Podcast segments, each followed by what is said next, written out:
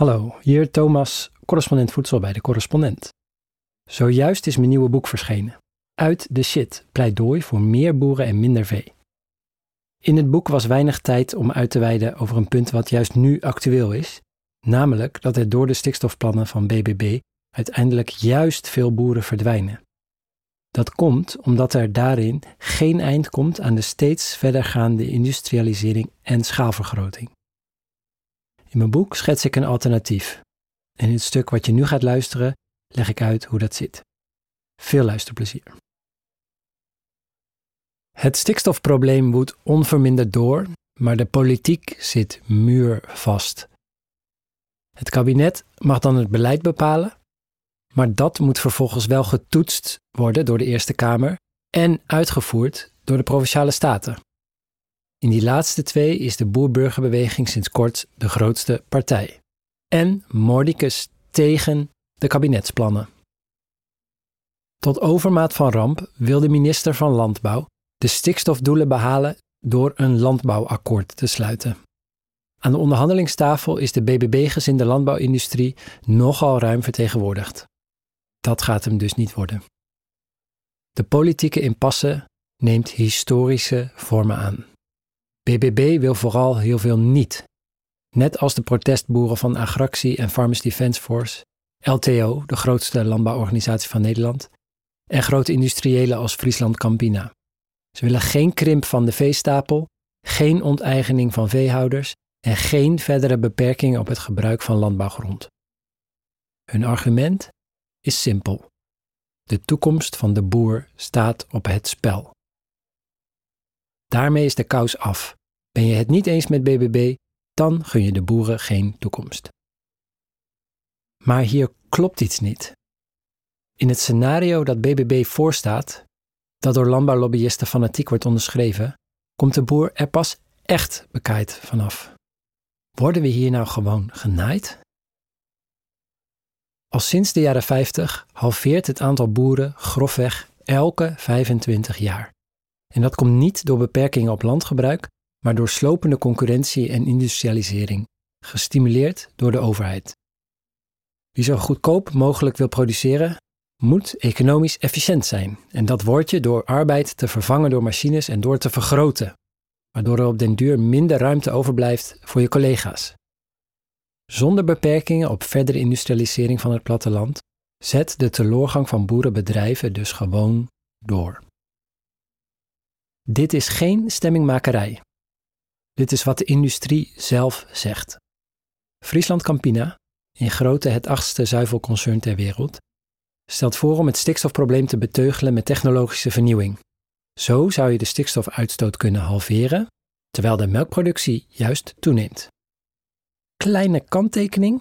Naar schatting kost het een derde van alle melkveehouders nog voor 2030 de kop. Zo'n 5000 van de huidige 15.000 bedrijven, waaronder veel familiebedrijven die al generaties bestaan, gaan er door ten onder. De dalende trend zet simpelweg door, ook na 2030.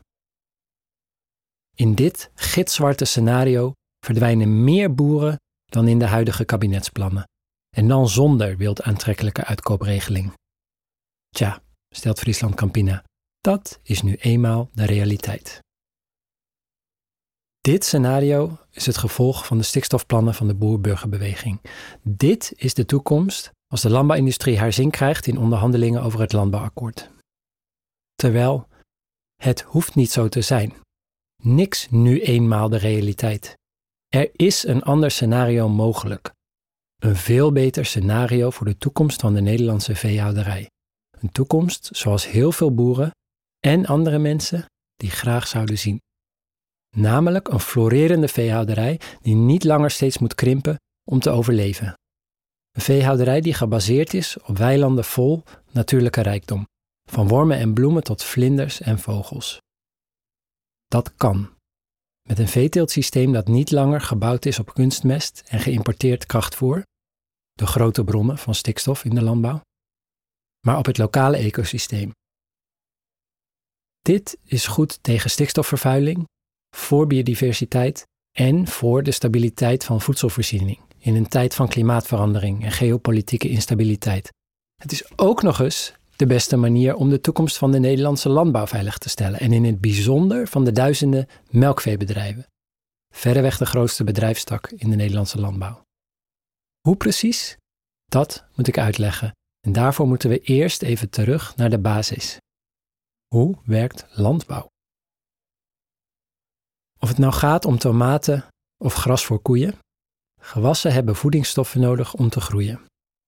Tot in de 20e eeuw was het lokale ecosysteem voor veel boeren de enige bron van die voedingsstoffen. Bodembacteriën waren de enige op aarde die stikstof uit de lucht konden halen en het vervolgens aan de plant gaven. Via dieren en vervolgens poep kwam de stikstof grotendeels als mest terug op de bodem, waar het bodemleven het vervolgens de grond introk en weer afbrak tot plantenvoeding. Een grote biodiversiteit op en onder de grond was dan ook altijd van groot belang voor de veeteelt. Een productief weiland bruiste van het leven. De meeste weilanden deden qua biodiversiteit niet onder voor andere natuur. Eén uitvinding bracht daar verandering in: kunstmest. Begin 20e eeuw ontdekte Duitse chemici hoe je met behulp van kolen, later aardgas, stikstof uit de lucht kan halen. Dat kan je omzetten in witte korrels die planten als voeding kunnen opnemen. De stikstofbindende bacteriën in de bodem werden overbodig, waardoor er niet langer sprake was van een min of meer gesloten landbouwkringloop. Veeteelt werd een opschaalbaar, lineair proces. Je stopt er fossiele brandstof in en er komt voedsel uit. Deze ontdekking resulteerde in een industriële landbouwrevolutie. Hierdoor verdwenen niet alleen bodembacteriën en een heleboel biodiversiteit. Tussen 1950 en 1970 verdween ook ruim de helft van alle boerenbedrijven. En bij de boerenbedrijven die bleven bestaan, bleek het gros van de arbeidskrachten overbodig. Van elke drie vaste arbeidskrachten die een boerenbedrijf buiten het gezin nodig had gehad, verdwenen er twee. Het was enkel het startschot van de race om een zo groot mogelijke productie voor zo min mogelijk geld. Meer melk, minder werk. En kunstmest was niet de enige truc.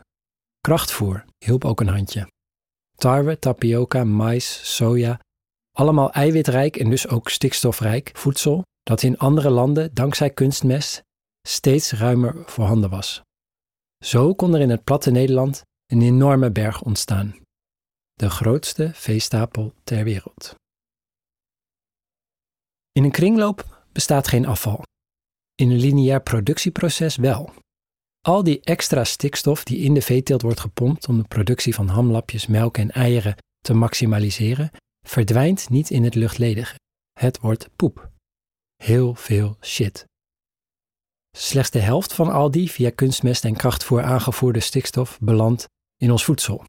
Ook al wordt er van alles gedaan om de uitstoot te beperken, nog steeds komt zo'n 20% van de stikstof jaarlijks via lucht en water buiten landbouwgebied in de natuur terecht. Dat is al wel veel minder dan het was, begin jaren 90. Maar de daling is na 2010 volledig gestagneerd. En minder is in dit geval nog steeds te veel. Want de uitstoot vernietigt langzaam maar zeker kwetsbare ecosystemen, zoals duinen en veengebieden. Dat is wat we sinds een paar jaar het stikstofprobleem noemen. En dat probleem willen we oplossen. En niet alleen omdat het moet van de EU.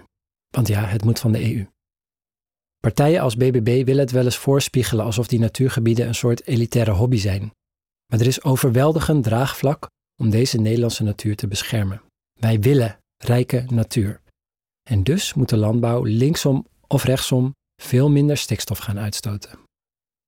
Partijen als Friesland Campina en BBB willen de stikstofuitstoot verder omlaag brengen door nog meer te gaan investeren in productie-efficiëntie. Beide pleiten bijvoorbeeld voor stalsystemen waarin de poep door automatische stofzuigers wordt gescheiden van de plas, waardoor er minder ammoniak ontstaat. De ammoniak die alsnog ontstaat, wordt daarna opgezogen door grote afzuigers met dure filters. Maar het is de vraag of deze systemen in de praktijk zullen gaan doen wat ze beloven. De afgelopen tien jaar zijn boeren door de overheid en banken flink aangemoedigd om te investeren in de voorlopers van dergelijke stalsystemen, maar stuk voor stuk hebben die niet hun belofte waargemaakt. Dit is een van de redenen waarom de totale stikstofuitstoot door de landbouw ondanks die maatregelen al die tijd niet verder is gedaald. Wie sowieso niet met deze oplossing geholpen is, is de boer. Dergelijke stalsystemen kosten tonnen in aanschaf en zijn ook duur in gebruik en onderhoud. En dat bovenop de investeringen die de meeste boeren al hebben moeten doen de afgelopen jaren. En dus zullen melkveehouders nog meer melk moeten produceren om rond te komen. Nog meer schaalvergroting dus. Dat is de reden waarom Friesland Campina die dalende lijn van het aantal boeren in dit scenario simpelweg kan doortrekken. De CEO van Friesland Campina vindt het ook niet leuk. Maar ja, wat is het alternatief? Willen we boeren aan het werk houden? Dan gooien we het dus beter over een andere boeg. Dan maken we het productieproces niet nog industriëler, maar zetten we vol in op een rijk ecosysteem als basis voor de veeteelt. Dan liggen voedselproductie en natuurlijke rijkdom weer in elkaars verlengde. Zo'n 500 melkveehouders in Nederland werken op dit moment zonder kunstmest en met veel minder krachtvoer. Dankzij een rijk bodemleven komt hun stikstof weer van stikstofbindende bacteriën. Een nieuwe overzichtsstudie van Wageningen University Research concludeert dat dit soort biologische melkveehouderij 40 tot 50 procent minder stikstof uitstoot. Als elke veehouder dat doet, zijn de stikstofdoelen voor de landbouw bereikt.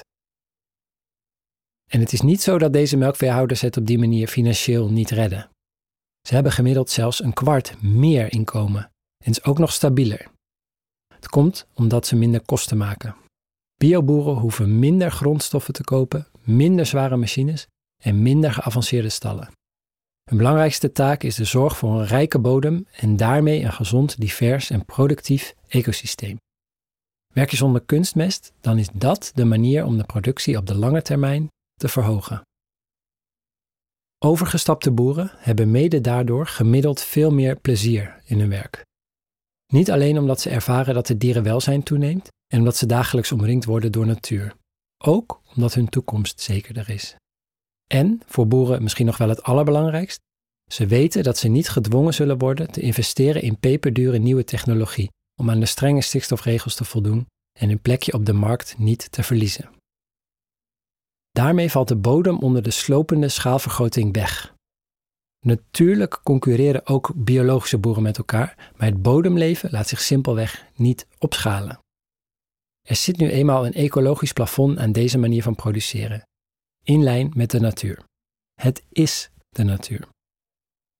Waarom gaan niet alle veebedrijven zo werken? Oké, zo'n verandering heeft heel veel voeten in de aarde. Biologische boeren werken niet alleen met andere stallen, maar ook met andere koeien, andere machines en andere vegetatie in de weilanden. Omschakeling kost dus wel geld en tijd. Daarnaast is het essentieel dat er een markt is voor al die duurzame productie. En dat is niet vanzelfsprekend, zolang deze producten in de supermarkt duurder zijn dan het alternatief. De logische oplossing? Prijzen die duurzaamheid reflecteren. Duurzame producten zouden juist goedkoper moeten zijn dan hun meer vervuilende variant. Gelukkig, er is nu een enorme pot geld die grotendeels precies voor zo'n landbouwtransitie bestemd is. Het Stikstoffonds, formeel het Transitiefonds Landelijk Gebied en Natuur. Maar er is meer geld, want op dit moment zijn we veel belastinggeld kwijt aan het feit dat de huidige veeteelt en natuur niet naast elkaar kunnen bestaan namelijk 6,5 miljard euro per jaar volgens het Planbureau voor de Leefomgeving. Dat kost het om de continue schade aan de natuur door de intensieve landbouw te herstellen. Dat geld kunnen we beter gebruiken om duurzaam eten voor de consument betaalbaar te houden. Voorkomen is beter dan genezen.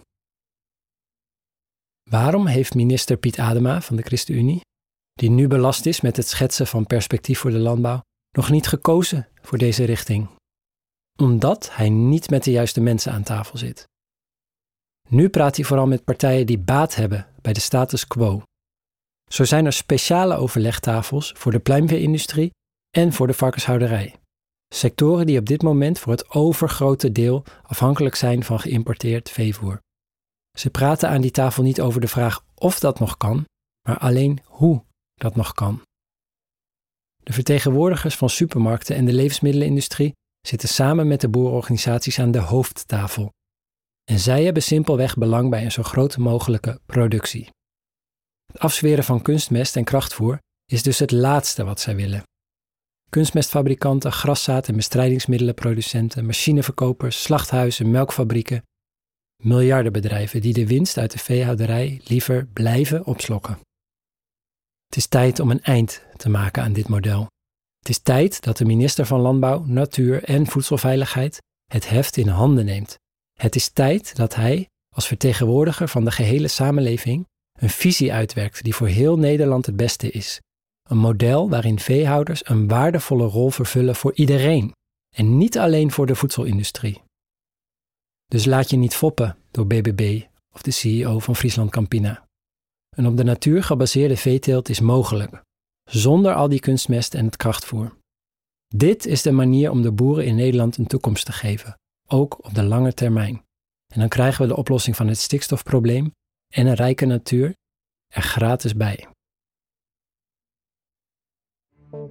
Het is de missie van de correspondent om voorbij de waan van de dag te gaan. Onze correspondenten voorzien het nieuws van context en schrijven over de grote thema's van deze tijd. De correspondent geeft me de vrijheid om mijn nieuwsgierigheid te volgen en de tijd om verhalen te schrijven. En zo probeer ik onzichtbare structuren zichtbaar te maken en een andere kijk te bieden op debatten die het nieuws domineren. Dan gaat het minder over het spelletje en veel meer over wat er op het spel staat. Vanaf dag 1 zijn onze artikelen, boeken en podcasts gefinancierd door onze leden. Volg ons op onze journalistieke zoektocht. Overweeg eens lid te worden van de correspondent. En maak daarmee samen met ruim 70.000 anderen onze onafhankelijke journalistiek mogelijk. Dus word lid van de correspondent. Ja. Word lid. Word lid.